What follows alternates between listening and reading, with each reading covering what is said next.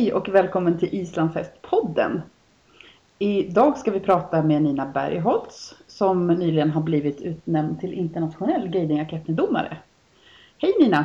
Hej! Välkommen till podden! Aha, tack så mycket! Jättetrevligt att få vara med. För de som inte känner dig, kan du inte berätta lite, vem är Nina? Jag bor på en gård i nordöstra delen av Småland som heter Himmelsrum där jag sedan många år har bedrivit en ganska omfattande avelsverksamhet och eh, med islandshästar och ridskola och turridning. Ehm, numera så reser jag runt väldigt mycket runt om i Sverige och även utomlands och eh, jobbar som ja, både domare och håller väldigt mycket utbildningar. Både i guidning academy och också i mitt andra eh, område som är, jag är ju avels, internationell avelsdomare också så jag håller mycket utbildningar inom avel. Eh, samt lite andra ridkurser. Jag är också utbildad, eh, idag heter det ridlärare eh, nivå 3, det som tidigare hette A-instruktör.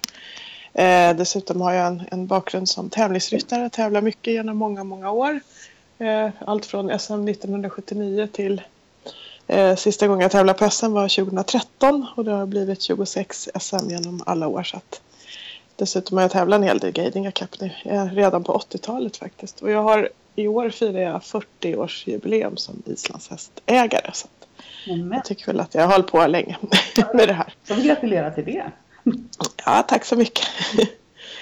Du är Guidinga Kepni-domare ska vi prata om idag. Men då behöver vi ju först veta, vad är Guidinga Kepni egentligen? Gatinga Kepni är ju en tävlingsform som är eh, Islands egentligen eh, eh den tävlingsformen som man har haft under väldigt många år eh, på Island. Och den kommer ju ur, ur isländsk ridtradition och kanske att man på Island också förr i tiden tävlade man ganska mycket i kapplöpning och sånt. Och, och det gällde ju att ha den allra bästa ridhästen också. Det var, kan man ju säga var ju en förutsättning i gamla tider för att faktiskt kunna överleva. Eh, de här som först bosatte sig på Island var säkert i behov av en snabb och, och fin ridhäst då. Eftersom man då var så beroende av att kunna frakta sig själv på hästryggen och naturligtvis eh, andra saker också då. Eftersom man hade så dåliga vägar. Men ur denna gamla tradition så växte den här tävlingsformen fram. Och första gången man tävlade i Guiding Academy det var 1950 som man startade i samband med det första eh, nutida landsmot som man hade på Tingvettlir på södra Island. Mm. Så därifrån har den vuxit eh, fram. Det är en ganska, ganska gammal tävlingsklass då? Eh, ja, det kan man säga. Och det som är lite roligt med de andra tävlingsklasserna som vi kallar för FIPO-klasser, det som man kanske kallar för sportklasser, är ju egentligen en variant på den här gamla isländska Guiding Academy som egentligen tyskarna faktiskt tog till sig och gjorde om lite grann. Så, att, så ja, den kommer ju egentligen ursprungligen också från Guiding Academy. Då. Kan du inte berätta vad finns det för olika klasser i Guiding Academy? Det finns idag ganska många olika klasser. Det roliga var att från början så fanns det bara en enda klass. Alla, vare sig det var fyra eller fem gånger startade i samma klass. Mm. Men sen märkte man att det här blev kanske lite, blev lite taskigt för de hästar som inte hade pass. Så att de då skulle möta sig med de här femgångshästarna eftersom man dömer ju varje gångart då med, med, på en skala mellan fem och tio. Så då delar man upp det runt 1970 till en A och en B-klass. Så A-klass är då för femgångshästar och B-klass för för eh, eh fyrgångare och det heter på isländska A och B-flock. Men sen finns det också flera stycken olika ungdomsklasser. Det finns en för mindre barn. Eh, det finns en eh, ja, barnklass eh, som är upp till eh, 13 år och sen finns det eh, tonårsklass och sen finns det Young Rider-klass också. Så att det finns flera olika klasser då för barn och ungdomar vilket är jättetrevligt. Man tävlar då i Young Rider-klass upp till man är 21 år. Mm. Sen finns det dessutom en, en, en, klass som är ganska ny som kallas för C-klass eller C-flock. Och den har man tagit fram lite mer för att in, ja, man vill eh, alltså locka eh, speciellt ut, alltså utlandet som vi är då, att tävla i i Guiding Academy och då har man startat den här som är lite mer som en prova på-klass. Mm. Och den är väldigt trevlig just om man kanske inte är så erfaren ryttare eller kanske har en ung häst som man vill prova. Så är den klassen väldigt eh, ja, bra att starta i. Så att det, den känns som den blir väldigt populär också. Mm. För det var en fundering som jag hade. Kan vem som helst tävla Gaining Academy? Ja, i princip. Man bör väl kanske kunna rida lite grann. Men, men just att starta i C-klass, då behöver du egentligen bara en häst som kan tre gångarter. Okay. Den ska kunna gå i skritt, den ska galoppera och sen kan man välja om man vill visa tölt eller trav. Okay. man, en, en, del rider då kanske bara tölt eh, och andra rider bara trav. Men så kan man också prova att rida tölt en långsida och trav en långsida. Då tar domaren den gångarten som hästen får högst poäng i som räknas. Så det går i princip att, att tävla med en häst som kanske inte har alla gångarter ännu. Så, att, eh, så på så vis är den, är den ja, bra tycker jag. Nu i helgen så är jag inbjuden att åka till World Tölt i Odense där jag ska döma en ny klass som man har. Man ska prova ut den. Så den är lite mer som en uppvisningsklass i det ordinarie programmet och den kallas för Guiding a Tölt. Och eh, där ska man visa upp då hästarna som... Eh, det är meningen att den här klassen ska kunna finnas med bland alla de här andra klasserna som jag berättade om. För att det finns ju ingen vanlig töltklass med där. Eh, och där är tanken att man ska visa upp hästen i... Eh, ja, jag måste säga att jag inte är helt inne på det. Men, men eh, jag tror att man ska börja med att visa upp hästen i långsamt tempo tölt. Och sen så ska man också visa upp i ett tempo som man kallar för beauty tempo, alltså det tempo som hästen passar bäst i. Eh, så att det här kan man ju vara med och tävla med hästar då i, ja, som har lite olika kapacitet också. Eh, och den ska vara lite mer anpassningsbar då efter ja, hästen och det ska stämma in med själva Guiding Academy tävlingsform. Då, så att, eh, jag eh, måste säga, jag har ju aldrig dömt den och inte sett den eh, utan det här är första gången som den överhuvudtaget då visas upp. Så att, eh, jag antar att jag får lite mer information när jag kommer dit och jag ska döma. Mm. Men eh, vi förväntar oss att den här eh, klassen kommer att komma in i den vanliga guidinga Man pratar också om en slags guidinga-pass som ska vara en, li en liten variant på stilpass. Eh, som också ska kunna finnas med som ett kompletterande gren till de övriga guidinga grenarna Så att det här är också nyheter och som ska provas ut under året. Så mm. det ska bli spännande att åka till World Health tycker jag i varje fall. Det låter jättekul. Um, kan du berätta lite om vad det är som skiljer Guiding Acne från FIPO-klasserna? Vad är det som är typiskt? Det som är typiskt är ju eh, hela tävlingsformen eh, är ju att vi ska kora den allra bästa ridhästen. Så i de här eh, klasserna för vuxna så är det hästen som tävlar. Ryttaren är lite grann som en bifigur även fast den naturligtvis räknas in i prestationen. Men det är alltid hästarna som tävlar. Eh, det som också är lite speciellt är att man rider ju klasserna på ovalbana, gärna en lite större ovalbana som är 300 meter i omkrets. Och när det gäller då klassen A-flock eller femgångsklassen då måste man också ha tillgång till en rakbana. För man visar också en sträcka på en rak passbana när man då visar sin passsträcka som ingår. Då. Eh, det som också är speciellt är att man kanske till exempel när man galopperar så ska man visa en, en tempoökning, en acceleration. Eh, vi dömer också två olika moment som inte finns i sportklasserna som heter eh, form ryttare och vilja och lynne. Dömer vi heller spirit kan vi också kalla det för. Så det påminner ganska mycket om avelsbedömningar. Så det är två stycken extra delar. Och eh, en annan sak som är lite speciell är att vi egentligen bara dömer långsidorna när hästen presterar på valbanan.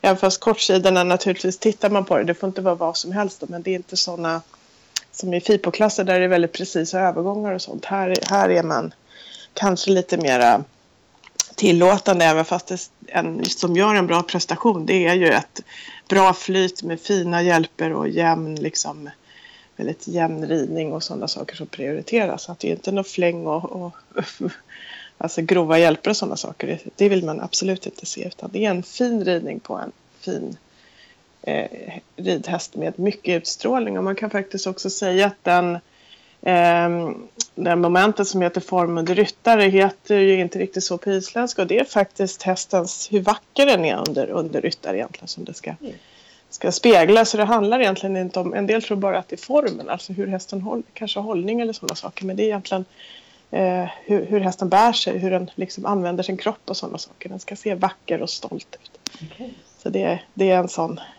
ledstjärna tycker jag i det här. Mm. Det låter ju jätteroligt tycker jag. Ja, och det, det, märker man när man dömer också. Det har ju ökat väldigt i popularitet här i Sverige och det är vi väldigt glada för. Mm. Och man upplever väldigt mycket glädje runt den här tävlingsformen. Folk är väldigt glada och tycker det här är roligt. Ja. Och det tycker jag också. Det är roligt, väldigt roligt också att döma. Och det är roligt att rida med. Ja. jag har ju tävlat i det. Ja. Hur kom det sig att du blev guidingkaptendomare? Eh, ja, egentligen var det väl eh, lite eh, en slump. Det var vi en, en god vän som heter Hinni Sigurdsson som tyckte att jag absolut skulle prova att bli eh, guiding academy-domare för att de skulle komma från Island då. Det var bland de första, eh, eller egentligen första gången som man hade en domarutbildning i Sverige. Det här var nog 2008 eller 2009. Och det tyckte han eftersom jag var avelsdomare, klart du jag ska prova, att guide, eller prova att bli guiding academy-domare. Och jag sa, men jaha, så här, men vad, vad, händer, vad händer ifall jag inte klarar mig då? Så jag till honom lite så nervöst. Ja, ja, det vore ju pinsamt förstås tyckte han. Så jag kände mig jättestressad när jag skulle göra det här. Och tänkte det här vore ju pinsamt som attan om jag inte klarade men, men det gjorde jag faktiskt. Jag klarade min examination sen. Vi var inte så många. Jag tror vi var 27 på utbildningen och jag tror vi bara var fem eller sex som gick igenom den gången. Då, så det var ganska tuffa krav från de här eh, herrarna då, som kom från Island. Ja. Så där började egentligen min, min bana med, med guiding acapney bedömning. Alltså. Ja. Innan hade jag ju som jag sa tävlat även redan i slutet på 80-talet. Eh, lite grann för då höll vi på lite mer. Just det. Ja. Är, är det som i sportklasserna att man gärna vill ha flera domare eller räcker det med en domare? Eh, nej, man är ju fem domare ska man ju vara på de större tävlingarna men tre går ju också när man ordnar sådana här mindre kvaltävlingar och sådana saker. Mm. Så att en, en domare är man ju inte ifall det bara är, ja det är klart om man har det som en utbildning eller en prova på tävling så kan man ju vara själv men eh, helst bör man vara fem domare när man dömer. Mm. Däremot så är det inte så att högsta och lägsta poäng stryks utan alla poäng räknas faktiskt i Gaming Så det skiljer lite från, från eh, FIPO-klassen. Just det. Ja. Mm. Och sen har du blivit internationell Guiding Academy-domare nu, vilket vi gratulerar till. Ja, ja tack så mycket. Vad, vad innebär eh, ja. Vad finns det för olika nivåer för Guiding Academy-domare?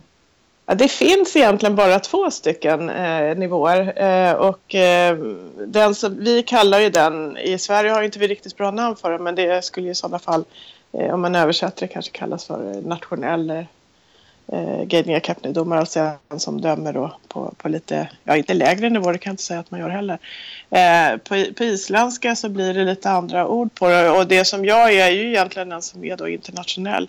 Det heter landsdomare på isländska då, och eh, det betyder att man är, har den högsta befogenheten till exempel att få döma på både landsmot och fjordungsmot som egentligen i den här världen då skulle vara det högsta man kan kanske komma till. Då, så att, och det, det som är speciellt med det här är att det var första gången som man utanför Island ordnade en eh, möjlighet att ta det här domarprovet. Okay. Så vi gjorde det i samband med att man ordnade en, en eh, nationell, kan man väl kalla det för, domarkurs i Sverige i november. Eh, och då var vi fem stycken som provade just att gå upp på den här högre nivån. Eh, vi var två stycken från Sverige och tre från Danmark. Eh, och då var det jag och en dansk tjej som gick igenom provet den här gången. Då. Så, eh, så det var lite nervöst. Vi höll på i tre dagar mm. med de här. Och, det var olika delprover som man skulle kunna. Så, så jag var jätteglad när jag sen fick provsvaret från Island efter eh, någon vecka tror jag det tog ja. innan det kom. Så att, ja. Kul! Så att, ja. Vi har ju ett svenskt mästerskap i Guardian Capney. Mm. Förra året vet jag att det fanns ett nordiskt mästerskap. Eh, ja. Finns det något världsmästerskap? Vad finns det för olika nivåer i tävling på detta? Ja, alltså det högsta som finns om man inte är på Island så är det ju det här när det har funnits i samband med nordiska mästerskapen. Då. Så är det det högsta. Annars har det inte kommit så långt. Man har ju pratat i flera, flera år om att man skulle ha någon typ Euromot har de på att kalla det för. Och då skulle man bjuda in liksom, eh, ja, eh, typ eh, ja, Tyskland och, och ja, andra era, eh, europeiska eller de från kontinenten då, ihop med Norden. Då. Mm. Eh, att ha, och då skulle man ha både guiding academy och avelsbedömningar till exempel som ett slags mini landsmått. Men det har ju inte lyckats riktigt med det ännu. Så i dagsläget så är det ju nordiska som kanske är det högsta. Annars så har man ju guiding academy eh, mästerskap i Sverige och i Danmark. Så att jag hade turen att få döma både på Guidinga SM här som var i, i somras i Mönsterås och sen var jag också i Herning i Danmark och dömde det motsvarande då danska mästerskapen i Guidinga Kapne som gick ihop med deras eh, ja, vanliga danska mästerskapen då så att det var en väldigt stor tävling. Mm. Så det var jättekul och jag, jag har blivit inbjuden att döma där igen i, i år så att det, det blir spännande att få ja. komma tillbaka. Ja, kul. Vad är det som eh. är roligast med att döma? Den här grenen jämfört med sportgrenar eller annat? Ja, alltså det, det som jag tycker genomsyrar grenen det är att man kanske lite mer tittar på eh, hästens gång och naturligtvis är det viktigt att hästen har takt, bra ren takt och eh, rörelsereaktion och smidighet och sådana saker men att man kanske inte riktigt behöver leka eh, ja, polis som lite, lite känslan kan vara i, inom fiberklasser att man drar av poäng. Här är det inte riktigt på det sättet när man dömer då. Eh, utan man dömer kanske, man är något mer tillåtande kanske med några misstag och sådana saker. Mm.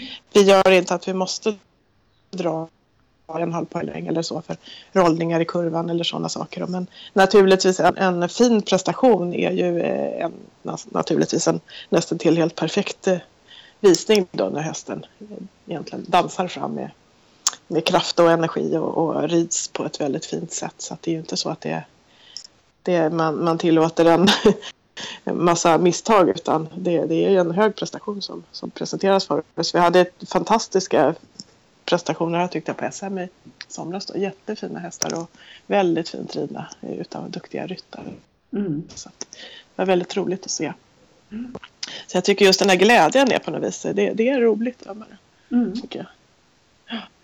Vad är den största utmaningen med att döma? Ja, det är ju alltid en utmaning tycker jag. Man, man, man måste ju alltid vara på alerten och man måste ju försöka då att väga in olika för och nackdelar och hur man dömer. Liksom. Man är, och sen har man ju sina kollegor där som man försöker att eh, ja, man har ju, även fast vi dömer var och en för sig så är det klart att man har en viss dialog. Och, varje fall framförallt efter tävlingen eller på kvällen eller sådana saker. Så det är en utmaning för en. Jag tycker att för mig som då också dömer avelsbedömningar så var det från början kanske ett sätt att kanske bli ännu bättre på att döma avel. Eh, men idag så jag tycker jag att båda kompletterar varandra så bra så att för mig känns det som jag blir både bättre på att döma eh, ridningsskapsbedömningen på avel samt att jag blir bättre på att döma guidingar. Så de hänger så eh, mycket samman liksom. Mm. Man tränar sig. Ja. Och det, det är en, en, utmaning också naturligtvis för en själv. Då. En utveckling i, i ens liv eller hur man ska säga. Mm. mm. För de som har en, en islandshäst och, och är hobbyryttare på en eller annan nivå och tänker att det där med guidingar låter ju jättekul. Vad har du för tips? Vad ska man, hur ska man leta sig fram till den här tävlingsformen? Då, då, tycker jag helt klart, för vi, eh, jag kommer att jobba nu fram igenom eh, en del i Guidninga sektionen och bland annat med utbildningar. Och vi kommer att gå ut med ett utbildningsprogram där vi kommer att erbjuda eh, att man kan komma och, och träna Guidninga Capney. Det är både teori och, och praktisk ridning och eh, att prova att rida programridning. Så jag tycker där är ju en jättebra eh, början. Och sen ordnar vi också prova på-tävlingar. Så att där har man möjlighet att rida ett program och få eh, ja, feedback och instruktioner direkt och liksom få tips om hur man ska tänka. För att i Guiding Academy så lägger man ju upp programmet själv.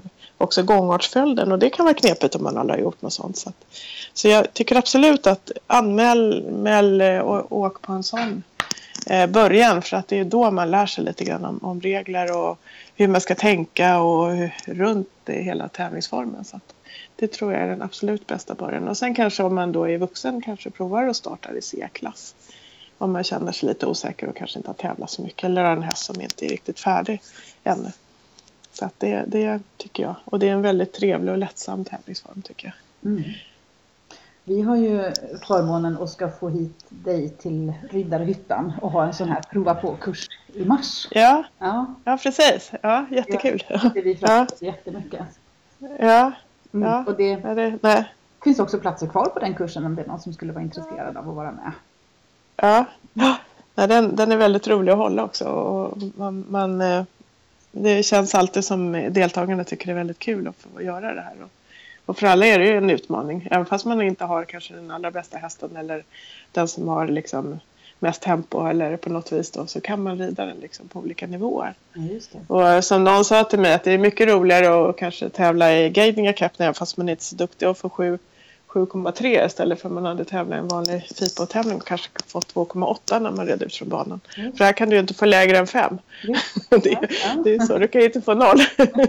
så att, ja, fast det kanske egentligen är samma, samma poäng liksom. Om man skulle översätta den då, men det, det kan vara en psykologisk grej då, så att, det, har, det har jag hört från några håll. Ja, Ja, så att det, vad kul. det, Vi ser, vi ser fram emot att få prova på detta under våren. Ja, Ja, och vi, vi, hoppas ju också på att intresset ska öka hela tiden och det har ju gjort det här nu under eh, det har ju varit en lansering ganska hård på, på Guidinga Capney Ja. under de sista fem åren kanske och det känns som intresset växer. precis. Och att det, att det också är ett bra komplement till den övriga, eh, tävlings, de övriga tävlingsklasserna som vi har i, i Sverige då, och även utomlands. Så det är jättekul. Vet du om, om det finns någon eh, lista på godkända guidningar, Capney-domare eller liknande som man kan hitta om man nu skulle vilja anordna en sån här kurs själv? Mm. Det finns en lista eh, på SIFs hemsida så kan man gå in under Guiding Academy. Och där ska, jag hoppas att den är uppdaterad. Jag har inte tittat här nu måste jag säga. Men, men där, där ska alla de eh, domare som har, för varje år måste man delta på ett eh, domarseminarium. Annars får man inte döma under det året. Så att den måste alltid uppdateras. Men vi hade ju det seminariet här i januari tror jag att det var. Eh, och eh, de som då har deltagit där är då godkända för att döma under den här säsongen. Så, Just det. så att det, ja. Och det ska synas då på den här listan. Vad bra. Mm.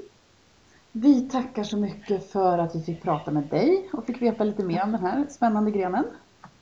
Ja, tusen tack för att jag fick vara med och jättekul att få berätta om Guidinga Capney som är så roligt tycker jag. Ja, ses vi på banorna i sommar. Ja, det hoppas jag verkligen. Tack så mycket. Hej då. Tack, tack. Hej då!